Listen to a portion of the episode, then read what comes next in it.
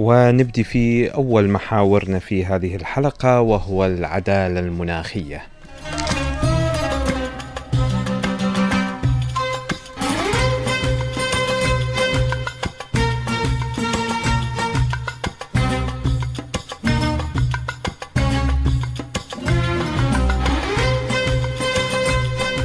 طبعا آه، تحدثنا كثيرا في هذا البرنامج عن موضوعات المناخ ولكن حقيقة في كل فقرة من هذه الفقرات التي نتعرض بها للمناخ وللتأثيرات البيئية السيئة وغيرها آه، نتوقف عند موضوع جديدة هذه المرة المصطلح آه، جديد يتم تداوله بالأوساط الدولية هو العدالة المناخية.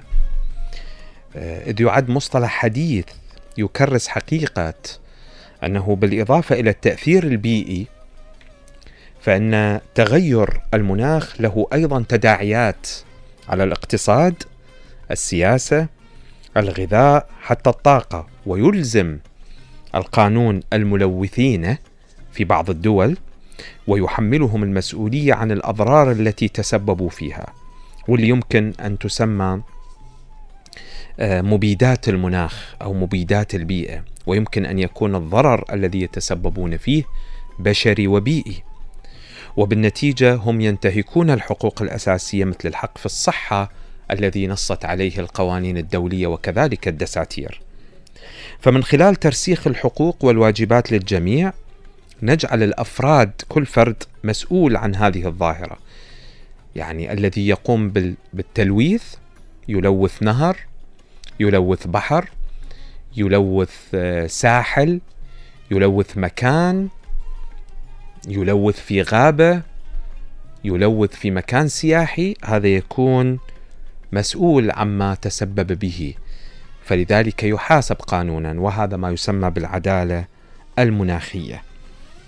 بالتالي سوف يرى العديد من الناس مواردهم الطبيعية تتضاءل وسيتسبب هذا في حركات نزوح كبيرة من أجل التكيف مع الظروف المناخية الجديدة لأنه ملايين من الناس تضطر إلى النزوح بسبب الكوارث الطبيعية. هنالك أضرار بيئية كبيرة في هذا المجال. لذلك نقول إنه بعض الأحيان من يتسبب بالضرر المناخي أو البيئي هم أفراد شركات أو حتى دول من المسؤول. مثلا لدينا في العراق في الآونة الأخيرة طبعا هسه بسبب موسم الأمطار رجعت تقريبا الحياة آه، تشير آه، وزارة الموارد المائية إلى ما يقرب 40 آه، إلى 60% رجعت الأهوار إلى طبيعتها ولكن ما زال لدينا الكثير يعني لغمرها بالمياه ولكن من الذي تسبب في جفاف الأهوار؟ هل هي سياسة الدولة وعدم قدرتها على التحكم في الحصص المائية وغيرها؟ أم هي سياسات دول الجوار مثلا تجاه العراق؟ أم هم أفراد؟ أم شركات؟ إلى آخره. من المتسبب في هذا الضرر؟ البيئي الكبير الذي أدى إلى موجات نزوح كبيرة خلال السنتين الأخيرتين.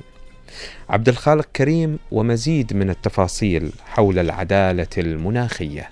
غالبا ما يتم ترديد شعار العدالة المناخية خلال المسيرات من أجل المناخ وهو مفهوم بسيط يتمحور حول نقطتين. فغالبا ما يكون الأفقر هم أول من يتأثر بتغير المناخ بسبب الكوارث ولكن أيضا بسبب نقص المياه أو الغذاء وما إلى ذلك. فالأشخاص المتضررون هم الأقل مسؤولية عن تغير المناخ. والدليل على ذلك بالأرقام. يقول بأن أفقر نصف سكان العالم ينتجون 10% فقط من انبعاثات غازات الاحتباس الحراري بينما أغنى 10% هم المسؤولون عن 52% من الانبعاثات. وفيما يتعلق بالضحايا سنفكر اولا بالطبع في بلدان الجنوب ولكن في الواقع يتعلق الأمر بالمجتمعات الأكثر تواضعا في جميع البلدان. وعلى سبيل المثال من الواضح أن المنازل الأكثر تضررا كانت تلك القريبة من المياه والأحياء التي يقيم فيها بشكل أساسي الأشخاص ذوي الدخل المنخفض بينما يعيش السكان الأكثر ثراء في المرتفعات. وكان الأمر نفسه أيضا في نيويورك في أيلول 2021 أثناء عاصفة إيدا حيث كان الضحايا غالبا أكثر فقرا لأنهم ظلوا عالقين في شققهم في قبو المباني. وباختصار كلما قل المال الذي تملكه زادت المناطق المكشوفة التي تعيش فيها وقلت الخيارات المتاحة أمامك للإخلاء. ودعونا نضيف أيضا إنه في بلدان الجنوب غالبا ما يعتمد السكان على إنتاجهم الزراعي للأكل والذي لا يمكن التنبؤ بغلاته. ولمواجهة الظلم المناخي هناك طريقة واحدة ممكنة وهي التضامن فعندما تحدث كارثة طبيعية في بلد ما قد تكون هناك آليات للتضامن ولكن لا توجد آلية دولية تحكم كل ذلك. ويمكن ربط الخسائر والأضرار بالأحداث المناخية المتطرفة مثل تلك التي شهدتها بلجيكا فيضانات تموز عام 2021 ولكن أيضا بالأحداث المناخية الأبطأ كثيرا مثل تآكل السواحل أو تدهور الأراضي. وفي مواجهة الكوارث الطبيعية يمكن أن يكون التضامن شديد التباين. ويعتبر الاعتراف بالخسائر والأضرار التي تكبدها السكان هو الأولوية الثالثة بعد التخفيف والتكيف في مكافحة الاحتباس الحراري. ولكن قبل كل شيء هناك مسألة التعويض فكيف سنمول كل هذا لأن بلدان الجنوب تتحد الآن لصياغة طلب مشترك لآلية تعويض مالي فهل ستسمح حكومات أغنى البلدان لطلبها في الوقت الحالي فقط اسكتلندا ووالونيا هما أول من قال إنهما اتفقا على وضع آلية تعويض مالي فهل سيتبع الآخرون ذلك أم لا؟ في عام 2015 كان المتخصصون يفكرون لسنوات حول كيفية جعل آلية المساعدة الدولية هذه حقيقة واقعة. موضحين إنهم سيكونون قادرين على سبيل المثال على الاعتماد على مبادرات التأمين المناخي الإقليمية الموجودة بالفعل على سبيل المثال في منطقة البحر الكاريبي أو في أفريقيا أو على مبادرات التأمين الصغير التي تهدف على سبيل المثال إلى ضمان صغار المزارعين كمساعدة مالية في حالة تضرر الحصاد من تقلبات الطقس.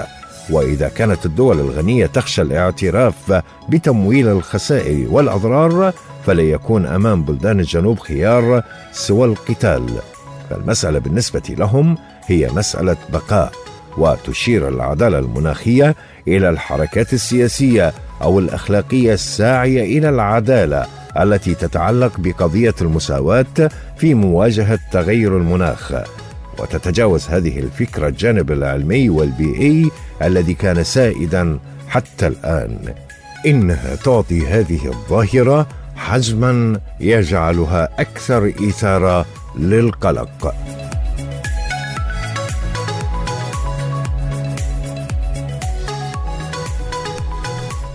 آه، هو مطالبات هو ليس فقط مجرد حديث عن العدالة المناخية إنما مطالبات بأن تسمح حكومات أغنى البلدان لطلب البلدان الفقيرة والبلدان غير القادرة على آه، أن تراعي ظروف الظروف المناخية لديها.